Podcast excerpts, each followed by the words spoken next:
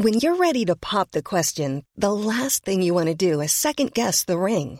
At Bluenile.com, you can design a one of a kind ring with the ease and convenience of shopping online. Choose your diamond and setting. When you find the one, you'll get it delivered right to your door. Go to Bluenile.com and use promo code LISTEN to get $50 off your purchase of $500 or more. That's code LISTEN at Bluenile.com for $50 off your purchase. Bluenile.com code LISTEN. I'm Sandra, and I'm just the professional your small business was looking for. But you didn't hire me because you didn't use LinkedIn jobs. LinkedIn has professionals you can't find anywhere else, including those who aren't actively looking for a new job but might be open to the perfect role, like me. In a given month, over 70% of LinkedIn users don't visit other leading job sites. So if you're not looking on LinkedIn, you'll miss out on great candidates like Sandra. Start hiring professionals like a professional. Post your free job on linkedin.com/people today. Du lyssnar på GVS ljudböcker.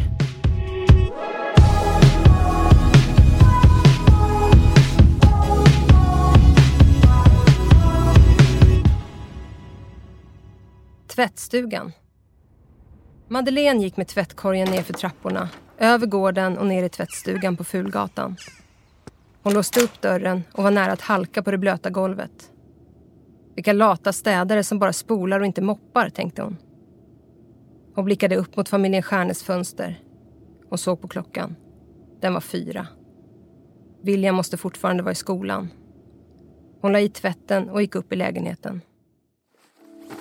William la ifrån sig väskan i hallen, gick snabbt in på sitt rum och blickade ut genom fönstret. Mycket riktigt, hon tvättade. I ett halvår hade William tittat på Madeleine i tvättstugan. Och hon hade varit väl medveten om hans smygtittande. Det visste han. Där nere i tvättstugan stod hon och vinkade kom med pekfingret. Han tog mod till sig och smög ut. Både Ulf och Ulrika var hemma. William ville inte att föräldrarna skulle märka att han gick ut och stängde försiktigt dörren. Han öppnade dörren till tvättstugan och klev in samtidigt som han stängde igen dörren bakom sig.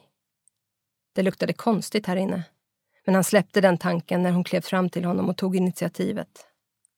Hennes tunga borrades in i hans mun. Hon slet av honom kläderna och tryckte upp honom mot torkskåpet medan hon otåligt klädde av sig själv. En av hennes vilda rörelser kom åt handtaget. Hon skrek rakt ut och sköt ifrån sig William som ramlade baklänges handlöst ner på golvet. Dörren hade glidit upp. En livlös arm hängde ut genom den öppna skåpsdörren.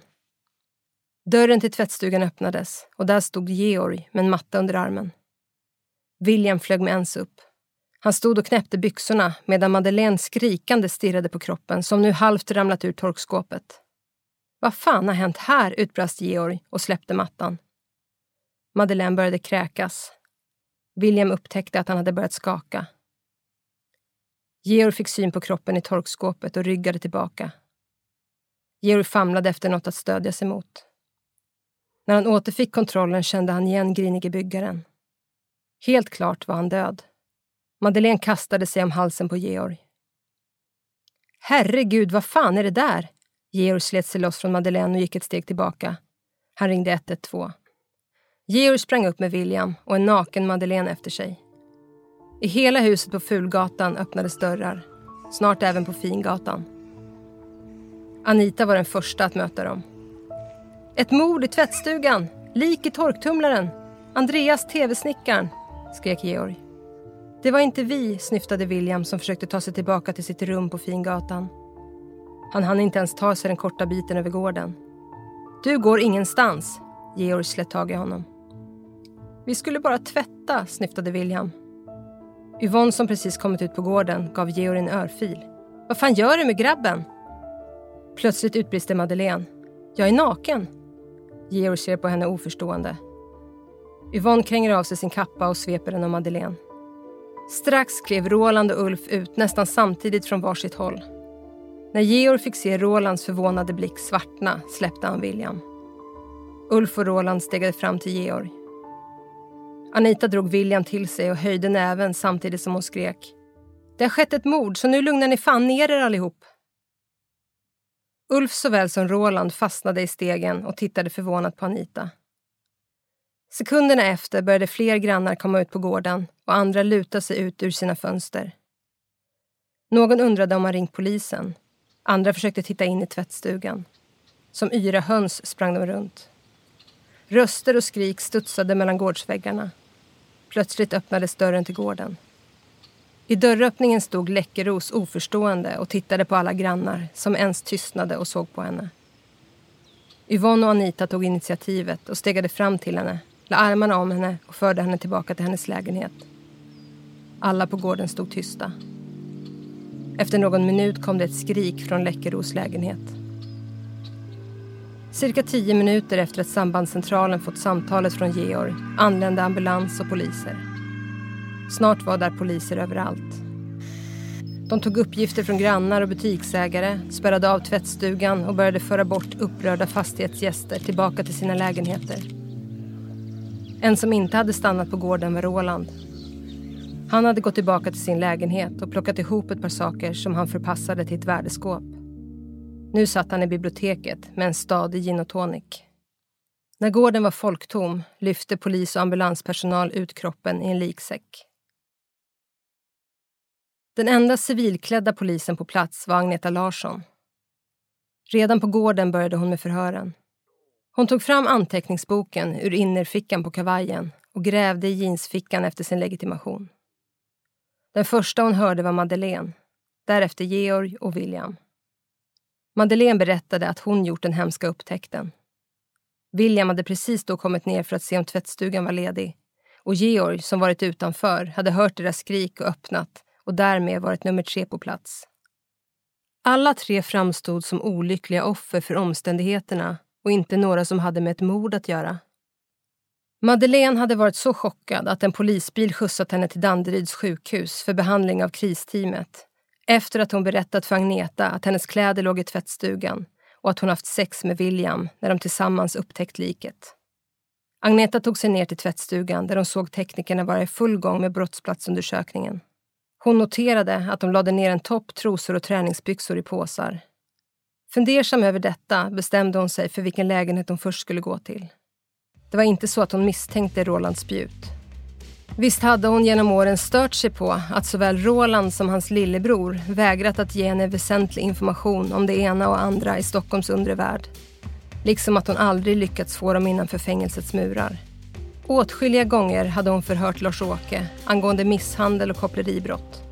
Men det hade alltid slutat med att i de fall det fanns en målsägande hade denne dragit tillbaka anmälan. Han hade en exceptionell förmåga att flytta fokus från sina egna förehavanden. Under förhören hade Lars-Åke ofta svävat ut i utläggningar om musik, ballett och konst. Det enda hon lyckats sätta dit bröderna Spjut för var att 1994 få Roland dömd till dagsböter och villkorlig dom för bokföringsbrott rörande en av hans strippklubbar. I över 30 år hade Roland frekvent dykt upp på hennes skrivbord. Mot sin vilja hyste hon en dold respekt för honom. De var nästan jämngamla och hade båda varit med länge. Hon såg det som att han som ende svensk bar upp en auktoritet i undre världen. Juggarna, albanerna, ryssarna, syrianerna, somalierna.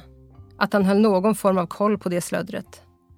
Som Agneta såg det hade Roland kontroll och var den som jämkade någon form av kriminell rättvisa i den här jävla stan. Det här luktade bröderna Spjut på så sätt att de var de enda i Andreas miljö som var yrkeskriminella. Samtidigt skulle inte Roland vara dum nog att avlägsna en känd granne i sin egen tvättstuga. Men hon visste också att han mycket väl kunde veta vem förövaren var.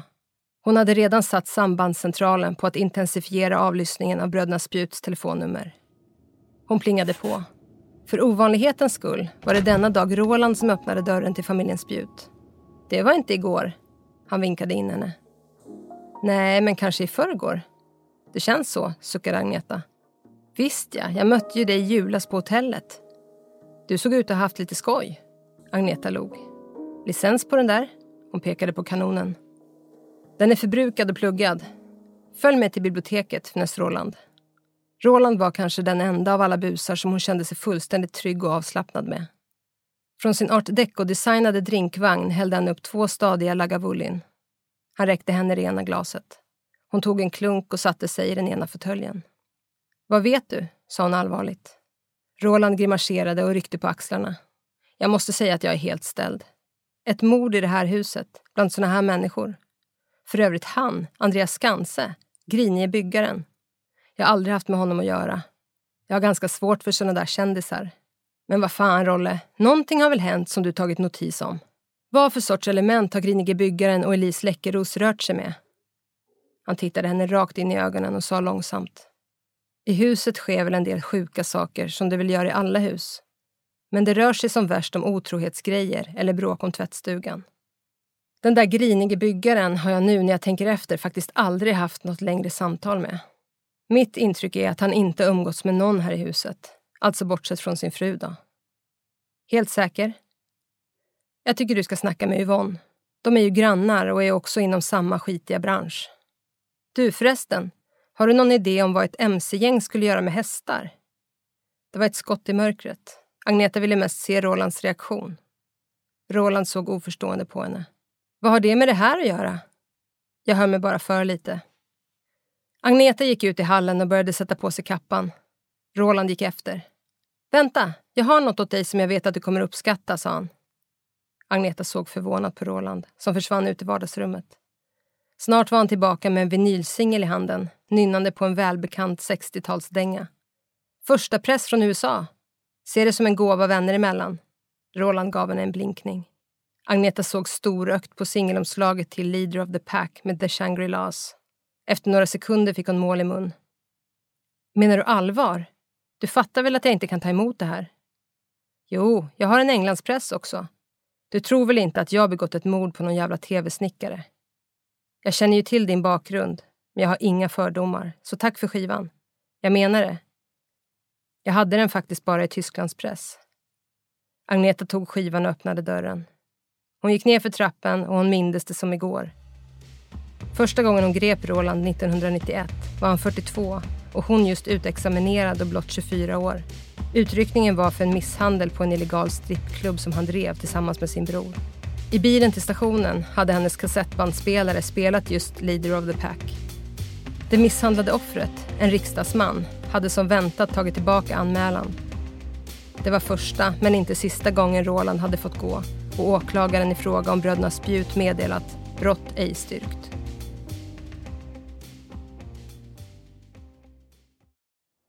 Följande dag satt Agneta Larsson i köket hemma hos Yvonne Tern Alén. Vi har den senaste månaden haft någon som sover i källaren, antagligen en hemlös. Och så har det varit inbrott hos Stjärne. Har någon sett någon okänd i källaren, sa Agneta. Nej, vi beslöt vid senaste föreningsmötet att anlita ett bevakningsbolag. Hur väl kände du Andreas? Ja, hur väl kände jag Andreas? Inte alls, måste jag säga. Vi hälsade förstås på varandra i trappen, men vänta nu. För ett par veckor sedan ringde han på hos mig för att fråga om råd. Han sa att han skrev på en bok och frågade om jag kunde förmedla förlagskontakter som inte var knutna till hans fru. Vad för slags bok? Sa han det? Agneta såg på henne. Ja, du, nej, som jag minns det sa han bara bok. Mycket mer information fick inte Agneta av Yvonne. Men det här såg hon ändå som värdefull info. Bilden av Andreas började ta form. Att han var snickare visste hon redan. Det där med grinig kunde ju vara en tv-grej. Hon hade gått igenom hans tidigare kunder och arbetskamrater men inte kommit fram till något som antydde varför han bragts om livet. Han hade gått ut vid lunch och sagt till sin fru att han skulle på möte. Hans fru hade under eftermiddagen suttit i Skype-möte med sin amerikanske förläggare och hade därför alibi som inte gick att ifrågasätta. Det enda Agneta egentligen hade var misstanken om någon hemlös i källaren och det spåret kändes inte rätt. Men nu förstod hon vad lapparna hon sett på hans kontor betydde. Att Andreas skrev på en bok gav honom ännu en dimension som hon naturligtvis måste utforska. När Läckeros tagits om hand av Agnetas kollegor hade hon och teknikerna gått igenom parets lägenhet. Hieroglyferna som stod på väggen i det som Läckeros sagt var hans kontor hade hon först bara tagit för något märkligt trams. Hon hade fastnat för fyra av dem. På den ena stod det knark, på den andra mord, på den tredje pengar och på den fjärde kokain, amfetamin. Det här huset, som en gång var ett fint hus, har successivt, nu när jag tänker på det, blivit ett mentalsjukhus. Det känns så skönt att ha dig här, sa Edvin. Och Eva inflikade. Edvin har så rätt, så rätt. Och nu när du ändå är här hoppas jag att du inte ger upp utan undersöker, ja, till exempel Ulf. Ulf? Ja, det är bara ett exempel. Det skulle inte dröja länge innan Agneta tryckte av memot och drog en dödssuck inombords. Hon såg det gamla paret som stolliga men hade ändå noterat infon om att Georg von Essen uppvaktat fru Stjärne samt att Madeleine låg med hantverkarna. Att Roland var verksam i nöjesbranschen var överflödig information. Huruvida grannarna var otrogna med varandra visste hon inte hur hon skulle tolka. I Andreas fall fanns dock inga otrohetsaffärer. Han verkade inte heller ha bråkat vare sig här eller på jobbet. Ja, inte mer än framför kameran. Jag tänker högt nu, sa Edvin och fortsatte. Kunde grinige byggaren månne varit inblandad i Fulgatans hissbygge? Förklaringen kan finnas i det bygget, sa han. Eva stod bakom och nickade instämmande. Den där Ulf Stjärne har nog inte rent mjöl i påsen. Det var nog därför som sonen upptäckte liket. Just det, utbrast Eva. Ulf och William kanske gjorde det tillsammans, far och son. Edvin såg allvarligt på Agneta. Hur är familjen Läckeros relation till familjen Spjut? frågade Agneta. Jag har svårt att tänka mig att de överhuvudtaget har haft kontakt. Alltid ska ni och pressen ge er på lille Roland. Jag tycker rent av synd om honom. Kan du förstå att de ska bygga en hiss på Fulgatan och inte hos oss? tillfogade Eva. Det hade varit jobbiga dagar för hela familjen Stjärne. Men William var åtminstone inte längre i chocktillstånd. Han fick förstås lugnande och insomningstabletter och låg fortfarande och sov. Ulrika låg också kvar i sängen och kisade mot Ulf som stod framför garderoben. Hon ville bara att han skulle komma och krypa ner i sängen och hålla om henne. Hans andning var tung och lite för snabb när han tog på sig kläderna. Ibland kändes det som om tiden rusade fram utan att man hann andas. Helger och vardagar flöt ihop. Var är mina skjortor? Vet du inte vad dina skjortor är? Har du slutat tvätta? Förstår du inte att jag måste vara representativt klädd? Jag har möten idag. Ulf såg på henne och skakade på huvudet. Hon svarade inte utan fäste blicken i taket och väntade på att ytterdörren skulle slås igen. Madeleine satt på föreningsmötet och mådde dåligt. Bilderna från tvättstugan spelades upp om och om igen. Hon var i behov av närhet. Var skulle hon finna tröst? Till William vågade hon inte gå. Efter tvättstugan hade han frekvent undvikit henne. Åtminstone tolkade hon det så. Vid de få tillfällen hon setts på gatan och i 7-Eleven mittemot hade han avvisat varje försök till konversation från hennes sida. Med så mycket kvällstidningsreportrar utanför huset hade hantverkarna tagit ledigt. Spöket var den hon ville söka sig till. Pidde var ung och kanske inte bildfager men som alla unga män i alla fall nästan söt. Och förhoppningsvis viril. Han satt bara tre stolsplatser ifrån henne på raden längst bak. Ulf förklarade mötet öppnat. Nästan alla hushåll var representerade. En person saknades. Läckeros. Visa medkänsla med Elise Läckeros. Var snälla och prata inte med pressen, sa Ulf. Pressen har vi i varje port. Kan vi inte få bort dem på laglig väg, sa Roland. Jag ska se vad jag kan göra. Yvonne vinkade med handen. Bra, tack. Då överlåter jag åt dig att sköta det här. Ulf gav henne en tacksam nick. Yvonne tog upp sin telefon och började messa. När kan vi använda tvättstugan? sa Eva. Ulf suckade. Kommer vi att få ersättning för pengarna vi lägger på kemtvätt? sa Edvin. Föreningen kommer inte att betala ut pengar för kemtvätt. Vi har en stram budget och den måste vi hålla, sa Ulf. Men om ni nu är inne på att sälja så kan vi ju sälja tvättstugan också och göra om den till lägenhet så får vi en tvättkassa, sa Eva. Ulf låtsades inte höra henne och tittade ner på dagordningen. Ja, jag bara tänker högt, sa Eva. Hur gör vi med begravningen, tycker ni? Ska vi samla ihop pengar till en blomsterkrans? Roland höjde handen och meddelade att han kunde fixa en fin krans, men att pengar inte behövdes. Ulf sammanfattade mötet och avslutade med att förklara att polisen bett honom informera om att det fortfarande var ett par personer som de inte lyckats få kontakt med och att de som inte pratat med polisen kunde stanna kvar så skulle de få ett telefonnummer som de kunde ringa för att bestämma möte med kommissarie Agneta Larsson. Pidde kände Madeleines blickar. Han kände hur en olustig känsla spred sig i kroppen. Han visste vad hon ville. Han var tvungen att stanna kvar och ta polisens telefonnummer av Ulf. Han hade noterat Madeleines lättklädda outfit när hon kom in och satte sig bredvid honom. Hon såg ju bra ut för sin ålder och visst ville han ha en kvinna. Det var ju hela intentionen med hans persona, Roman Krzysztof. Men Madeleine var inte den typ av kvinna han ville ha. Rolands stabila kropp kändes som en bra mur att ha mellan dem nu. Madeleine försökte nå hans blick, men han sänkte den så fort de var på väg att se på varandra. Vilken blyg och söt pojke, tänkte hon. Hon hade bestämt sig. För två nätter sedan hade hon drömt om honom och inte kunnat släppa tanken sedan dess. Alla reste på sig för att gå. Pidde satt stilla, men upptäckte till sin fasa att även Madeleine satt kvar. Ulf stegade fram och gav dem båda varsin lapp med telefonnumret och namnet Agneta Larsson. Han sa bara Smäll bara igen ytterdörren efter er. Hej då! Sen var han också ute ur rummet. Hennes hand kom från ingenstans. Hon smekte hans lår. Pidde, skulle du kunna hjälpa mig att flytta ett bord? Jag klarar inte det själv, sa Madeleine. Visst, det går väl bra, mumlade Pidde. Han satt som förstenad och visste inte vad han skulle göra. Bara att han inte ville följa med henne. Han greps av panik och vände sig mot henne med ett ryck och sa på nytt att det gick bra. De båda gick upp för trapporna till hennes lägenhet. Så snällt av dig att hjälpa till, sa Madeleine. Utan att säga ett ord hjälpte han henne att flytta ett serveringsbord som används som skrivbord i vardagsrummet till sovrummet. Medan hon berättade att sovrummet i fortsättningen delvis skulle fungera som kontor eftersom hon nu blivit utbildad yogainstruktör. Hon skulle just fråga om han ville ha en kopp te, men han var försvunnen. Som ett spöke.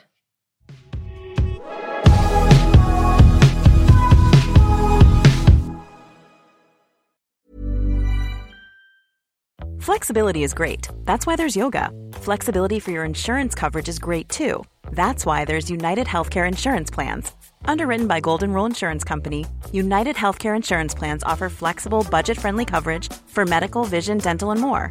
One of these plans may be right for you if you're, say, between jobs, coming off your parents' plan, turning a side hustle into a full hustle, or even missed open enrollment. Want more flexibility? Find out more about United Healthcare Insurance Plans at uh1.com. Since 2013, Bombas has donated over 100 million socks, underwear, and t shirts to those facing homelessness. If we counted those on air, this ad would last over 1,157 days. But if we counted the time it takes to make a donation possible, it would take just a few clicks. Because every time you make a purchase, Bombas donates an item to someone who needs it. Go to bombas.com slash ACAST and use code ACAST for 20% off your first purchase. That's bombas.com slash ACAST, code ACAST.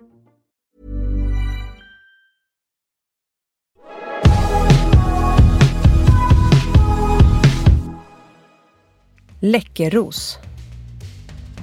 Det hade gått en vecka sedan Andreas hittades i torkskåpet på Fulgatan. Polisens tekniker hade finkammat tvättstugan. Nationellt forensiskt centrum hade genomfört de tekniska och rättskemiska analyserna. Andreas hade med största sannolikhet bragts om livet i tvättstugan genom ett djupt knivhugg från sidan i halsen. Mördarna var minst två och skoavtryck från Adidas och Timberlands skor funnits på det av vatten fuktiga golvet. Kanske hade mördarna stoppat kroppen i torkskåpet och sköljt bort blodet från golvet när de hört Madeleine komma ner i tvättstugan. Men då borde hon eller någon annan sett dem fly. Agneta Larsson hade pratat med Georg von Essen, Madeleine Saxby och William Stjärne på plats. Ingen av dem hade lagt märke till att någon befunnit sig i eller utanför tvättstugan vid upptäckten av liket. Man lånade in folk från våldsroten och rånroten och var nu i det viktiga inledningsskiftet tillsammans med span nu nästan hundra poliser som jobbade med att lösa mordet på Andreas. Tillsammans med inlånade Kim Röshammar från våldsroten, Jan Föjk från span och Leonard Göransson från rånroten ansvarade Agneta Larsson för utredningen. Jan ledde spaningarna på Andreas omgivning och Kim ledde arbetet med att tala med Andreas arbetskollegor. Agneta hade hand om huset på Fingatan och Fulgatan. Man hade konsulterat en rättspsykiater för att få fram en gärningsmannaprofil. Det enda man kommit fram till var att mördarna handlat impulsivt men kallhamrat. Att sticka en kniv i halsen på någon i en tvättstuga framstod inte som ett planerat brott samtidigt som det var brutalt. Gärningsmännen var våldsamma och hade sannolikt brukat kniv förut. Roland var förvisso kriminell, men det kändes som om det var en tillfällighet att han och grinige byggaren var grannar, tänkte Agneta. Varje år konstaterades ett hundratal fall av dödligt våld i Sverige. I 70 procent av fallen var offret en man.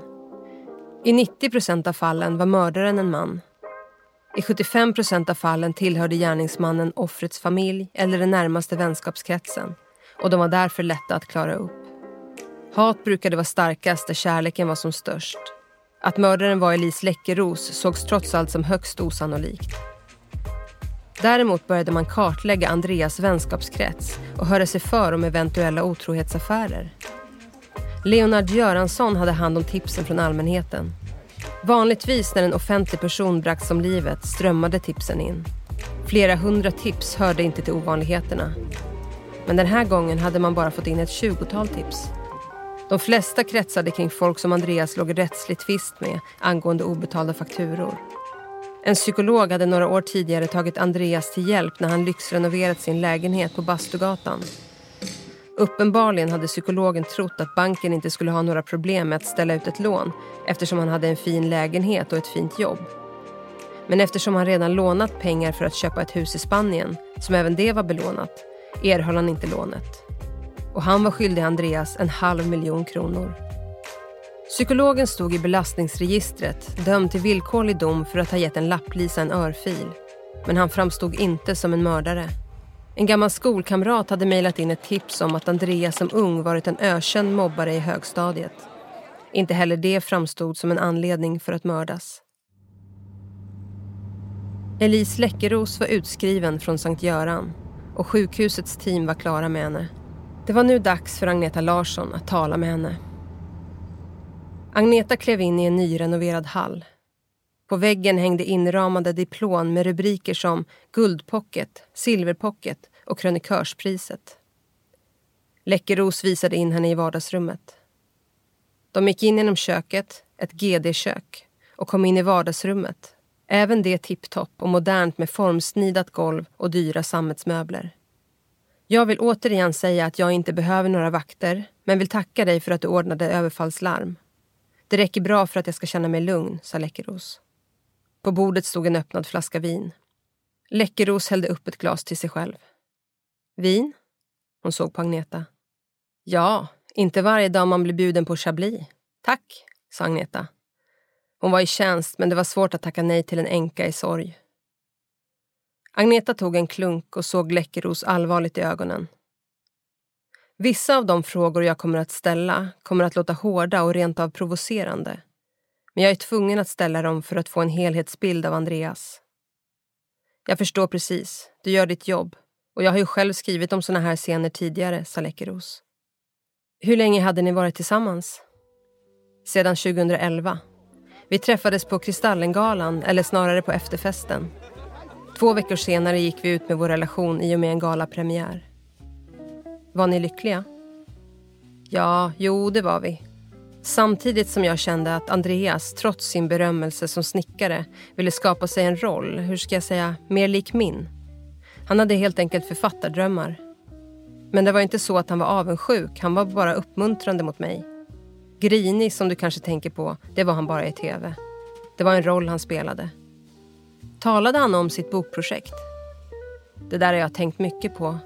Nej, inte så mycket. Jag tror att han började skriva på sin bok, men han var förtegen och inte vet jag, kanske generad. Jag menar, jag är ju författare. Så det var därför jag inte frågade om den. Jag sa bara att han kunde använda sig av min agent, PO. Men till och med det avböjde han. Nu när jag har tänkt på det här förstår jag att Andreas verkligen brann för sitt bokprojekt. Elise tystnade i några sekunder och såg tomt ut mot fönstret. Vet du vad boken handlar om? Han ville göra det på egen hand. Han ville inte ha min hjälp. Men har du någon aning om vad den handlade om? Nej, egentligen inte. Men jag utgår från att det är en deckare av något slag. Hans dator är låst men står där borta i hans arbetsrum. Läckeros pekade mot en dörröppning. Som du förstår måste jag ta med den när jag går härifrån, sa Agneta. Visst, bara jag får tillbaka den efter att ni öppnat den och fått er information. Han hade alla foton som vi tagit tillsammans i den. En annan fråga jag måste ställa är, hade Andreas några skulder? Nej, varför tror du det? Nej, jag tror inte det. Det är en rutinfråga jag måste ställa. Här kommer en till jobbig fråga. Missbrukade han? Jag menar spel, alkohol, narkotika? Nej, oj, oj, oj. På fredagarna när han var ute och hämtade mat kunde jag ibland känna en svag doft av alkohol. Hemma kunde han ta ett glas vin medan jag drack flera. Det var sällan, eller uppriktigt sagt aldrig, som jag såg honom brusad. Det var en kontrollerad man. Det låter kanske tråkigt, men det var han. Hur såg Andreas vardag ut? Tre månader om året jobbade han intensivt med sin tv-produktion. Länge renoverade han och anställda, hans gamla barndomsvänner, vår lägenhet. Vilka var vännerna? Sebbe, Släppis, Korven, Bogdan, Judas och Jari. Hans anställda alltså. Ja, den enda nya vännen på senare år var Axel Nilsson. Du kanske känner till honom från tv. De var ju kollegor på Kanal 5. Han med jaktprogram, du vet. Sen var ju TV4-bröderna här ibland, men det var mer en yrkesrelation. Andreas gav dem privatlektioner i allt från bokföring till smide. Och gud, han var så duktig på silversmide. Mediebranschen är väl på sitt sätt ganska falsk. Folk går väl bakom ryggen och baktalar varandra, sa Agneta. Genom åren hade hon och hennes kollegor ofta fått tips om allt ifrån kokainmissbruk till fiffel med bokföring från folk inom media som velat sätta dit någon kollega. Jo, så är det kanske. Och det är samma sak inom kulturvärlden. Du förstår kanske hur man ser på mig. Andreas program gick väldigt bra och då, ja, då ler alla och dunkar en i ryggen. Men just därför är det svårt att veta vilka som är missundsamma. Men det betyder ju inte att man kan misstänka dem för något sånt här, sa Läckeros. Nej, det låter kanske lite långsökt. Det är bara sånt jag måste fråga. Vi måste veta om han hade några fiender. Agneta såg på Elise, som nu mest liknade en liten flicka. Det är så hemskt att någon skulle vilja honom illa. Jag kan inte få in det i mitt huvud. Mördaren måste ha misstagit honom för någon annan. Läckeros förde händerna mot ansiktet. Hon tog ett djupt andetag och nickade mot Agneta att ställa nästa fråga. Vilken var Andreas bakgrund? Han växte upp i Haninge vad jag förstått. I ett tryggt villaområde på Vändelsö. Gick ekonomisk linje på Fredrika Bremer gymnasiet men blev sen lärling som snickare. Han gillade att skapa. I tonåren spelade han i ett hårdrockband. Han var duktig på att teckna också. Jag tror han såg snickeri som någonting kreativt. Han hade fin kontakt med sina föräldrar, Tutte och Lennart. Liksom med sin son Charlie och jag, exfrun Karin. De har tagit det här lika hårt som jag. Har du pratat med föräldrarna? Frågat om de noterat, inte vet jag, kanske något udda senaste tiden? Udda? Jag vet inte det. Vi håller just nu på att ordna med begravningen. Men nej, de ställer sig lika främmande som jag inför det här. Andreas ville bara hjälpa människor. Vara sin omgivning till lags. Ibland lite för mycket. Agneta tog fram lapparna hon veckan tidigare tagit ner från Andreas vägg. På ett stod skrivet kokain, amfetamin. På andra stod skrivet ord som knark, crime, mystery, puzzle, mord, pengar, korruption och direktörer. Kokain, amfetamin och knark. Du sa att han inte missbrukade. Agneta höll fram två av lapparna. Jag har sett det där. Nej, han har sagt att han aldrig provat droger. Det måste ha med boken att göra. Sa han att den skulle handla om kokain? Nej, inte vad jag vill minnas. Däremot läste han ju Jens Lapidus. Han menade att Jens var den enda i Sverige som vid sidan av mig och min kompis Kajsa Rudén skrev bra spänningslitteratur. Sa han vad boken skulle handla om? Nej, inte mer än att den skulle fokusera på Stockholms heliga graal. Han sa det lite hemlighetsfullt sådär. Okej, okay, jag har ordnat med Andreas telefonlista. Vi har gått igenom den. Där finns ett mobilnummer vi inte kan identifiera. Vet du vems det är? Agneta gav Läckeros listan med det understrukna numret. Läckeros slog det. Det finns ingen abonnent på numret, sa en röst. Nej, det kommer inte upp något namn. Jag vet inte vem numret tillhör, sa Läckeros. Då ska vi ta reda på det. Agneta tog Andreas laptop under armen och lämnade Läckeros. På Fulgatan fanns det kvar två hyresrätter. Den ena var en fyrarummare som innehafts av den pensionerade bibliotekarien Kerstin Samuelsson. Det var en på tok för stor lägenhet för en ensamstående änka. 80 år gammal ville hon bo i ett modernt hus i ett grönområde. Sagt och gjort, för Kerstin var det ett enkelt val. Hon bytte sin lägenhet mot en tvårummare vid Alvikstrand med fin utsikt över vattnet mot Stora Essingen, stans bästa hemtjänst i området och en välsorterad bokhandel i Äppelviken. Erika Eriksson, som hon genomförde bytet med, var en något apart uppenbarelse på Fin och Fulgatan. Hon var yogalärare i lediga kläder från Indien och buddhist i den japanska Nichiren Daishonin-traditionen. Flera kvällar i veckan chantade hon tillsammans med andra buddister runt om i innerstan. En gång i veckan skedde chantandet hos henne själv framför ett litet altare hon köpt på organisationens ashram i Saltsjöbaden. Erika såg det som sin uppgift att sprida kärleksbudskapet. Kärlek var peace, love and compassion. Trots att hon utstrålade sex hade hon avsagt sig allt som innehöll förhållanden och intima manliga relationer. Hennes förrförra kille hade varit snäll men notoriskt otrogen och hennes senaste pojkvän trogen men svartsjuk och aggressiv. Hon hade tappat hoppet om tvåsamhet och familj. Hon hade bestämt sig för att älska världen. Hela världen. Sex var energi, precis som våld och aggressivitet var energi. Och hon såg det som en i grund och botten destruktiv kraft. Hon ville inte underkasta sig sådant. Närhet fick hon så det räckte och blev över från sina två Birmakatter. När hon presenterade sig för sina nya grannar var hon inte sen med att bjuda in till den chanting som om onsdagskvällar hädanefter skedde på Fulgatan. Men inte nog med det. Hon la ner inbjudningskort i brevinkasten med en svag men pikant doft av rosenvatten. Endast Madeleine svarade att hon skulle försöka delta någon kväll. Båda såg det som ett sammanträffande att de båda var yogalärare inom ashtanga och Erika hade lovat att ge Madeleine råd om hur man startar igång en egen verksamhet. Madeleine tyckte att det var en humoristisk och omstörtande tanke att hon skulle arbeta. För själv hade hon, efter tre skilsmässor med män med gott ställt, kammat hem över 10 miljoner. Den andra hyresrätten var en fyrarummare vars innehavare, den pensionerade före detta domaren Lars Ringdén somnade in för gott en tidig kväll i mars. Ulf Stjärne fick därför bråttom att kalla till möte för att diskutera de nya ägarna. Vem eller vilka skulle föreningen sälja till?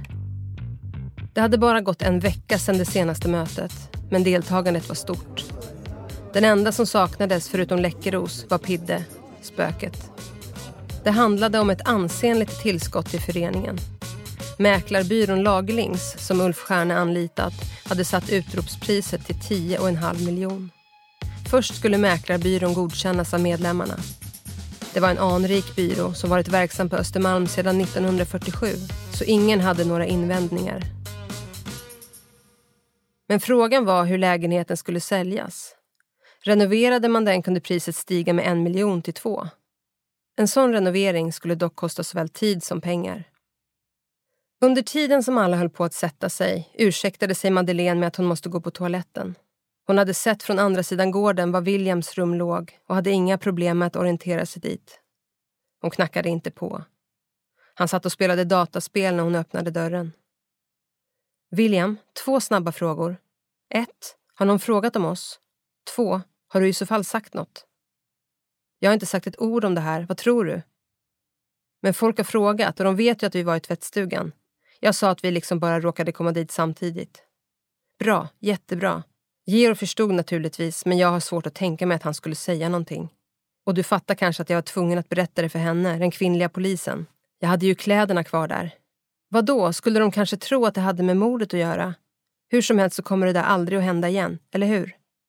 Sen vände hon på klacken och lämnade hans rum. Snart var hon tillbaka i Ulfs arbetsrum bland övriga föreningsmedlemmar. För en gångs skull var Ulf och Georg överens i en fråga. Att en renovering av Ringdens lägenhet kunde vara lönsam för föreningen. Edvin och Eva menade att det skulle dra ut på tiden.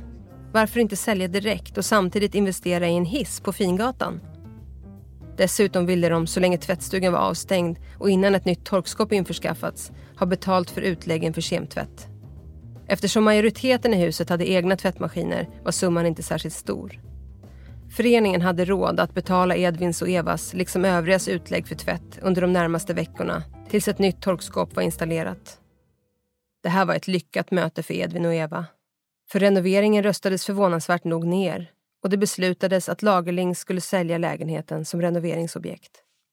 Nu var frågan vem som skulle få köpa lägenheten. Den som bjöd bäst eller den som föreningen ansåg var mest lämplig. En låtskrivare åt pojkband hade redan uttryckt sitt intresse men man befarade att han inte bara skulle spela hög musik utan kanske rent av bygga en hemmastudio. Något musicerande var det ingen som ville ha, vare sig på dagtid eller på kvällstid.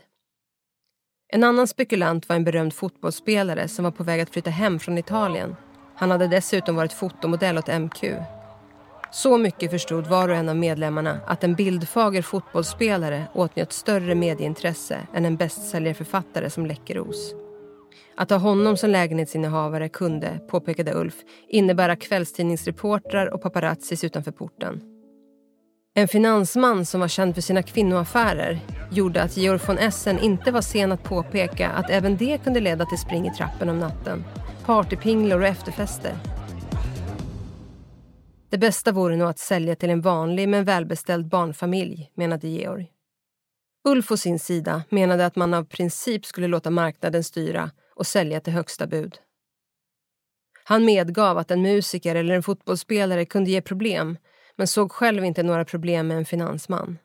Snarare menade han att det kunde ge renommé åt huset och därmed ökade värdet på alla lägenheter i föreningen Dovhjorten. Mäklare Ola Bratt gick en sen eftermiddag upp för trapporna på Fingatan och plingade på hos Stjärne på första våningen.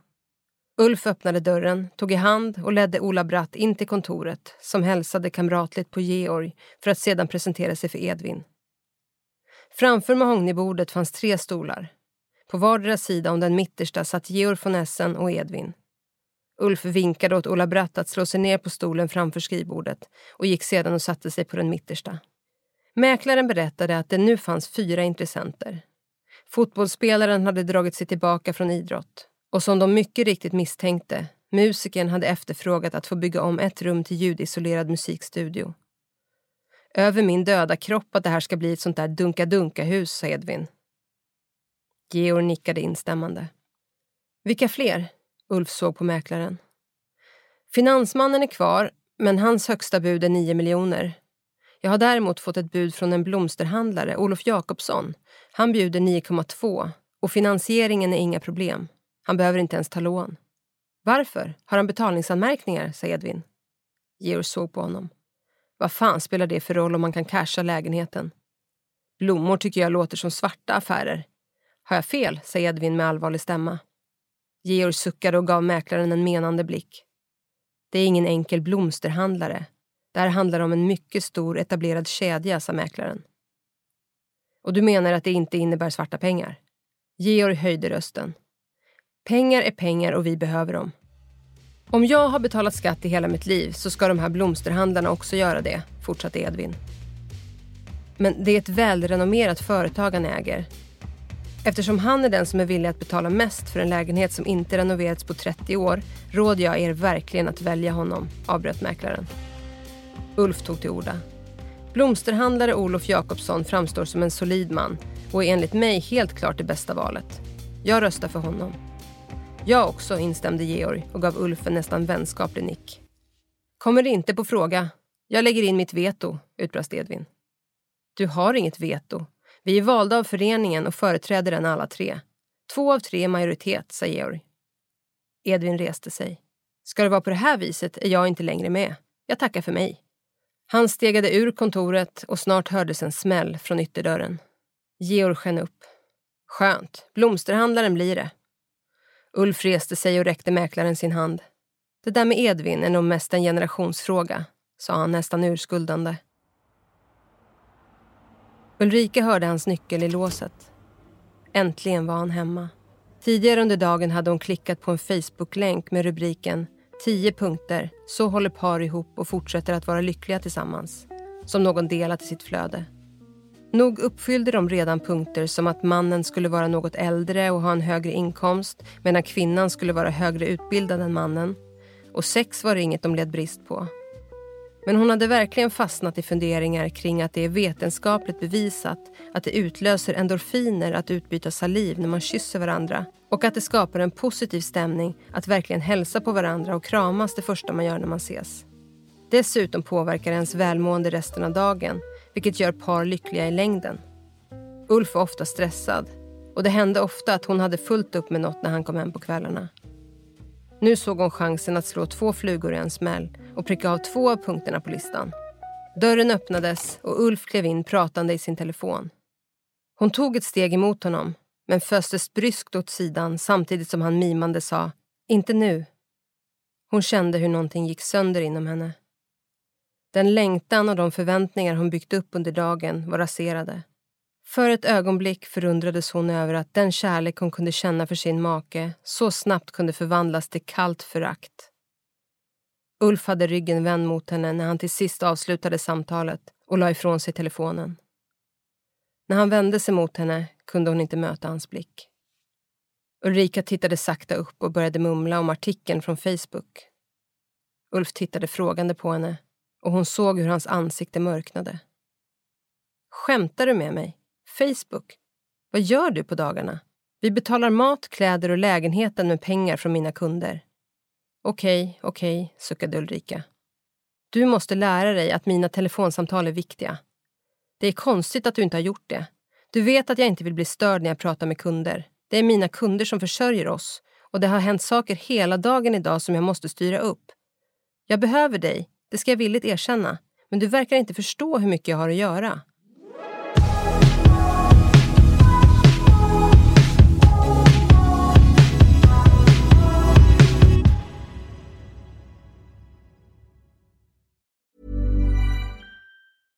Want flexibility? Take yoga. Want flexibility with your health insurance? Check out United Healthcare Insurance Plans. Underwritten by Golden Rule Insurance Company, they offer flexible, budget friendly medical, dental, and vision coverage that may be right for you. More at uh1.com. Planning for your next trip? Elevate your travel style with Quince. Quince has all the jet setting essentials you'll want for your next getaway, like European linen, premium luggage options, buttery soft Italian leather bags, and so much more and is all priced at 50 to 80% less than similar brands. Plus, Quince only works with factories that use safe and ethical manufacturing practices. Pack your bags with high-quality essentials you'll be wearing for vacations to come with Quince. Go to quince.com/pack for free shipping and 365-day returns.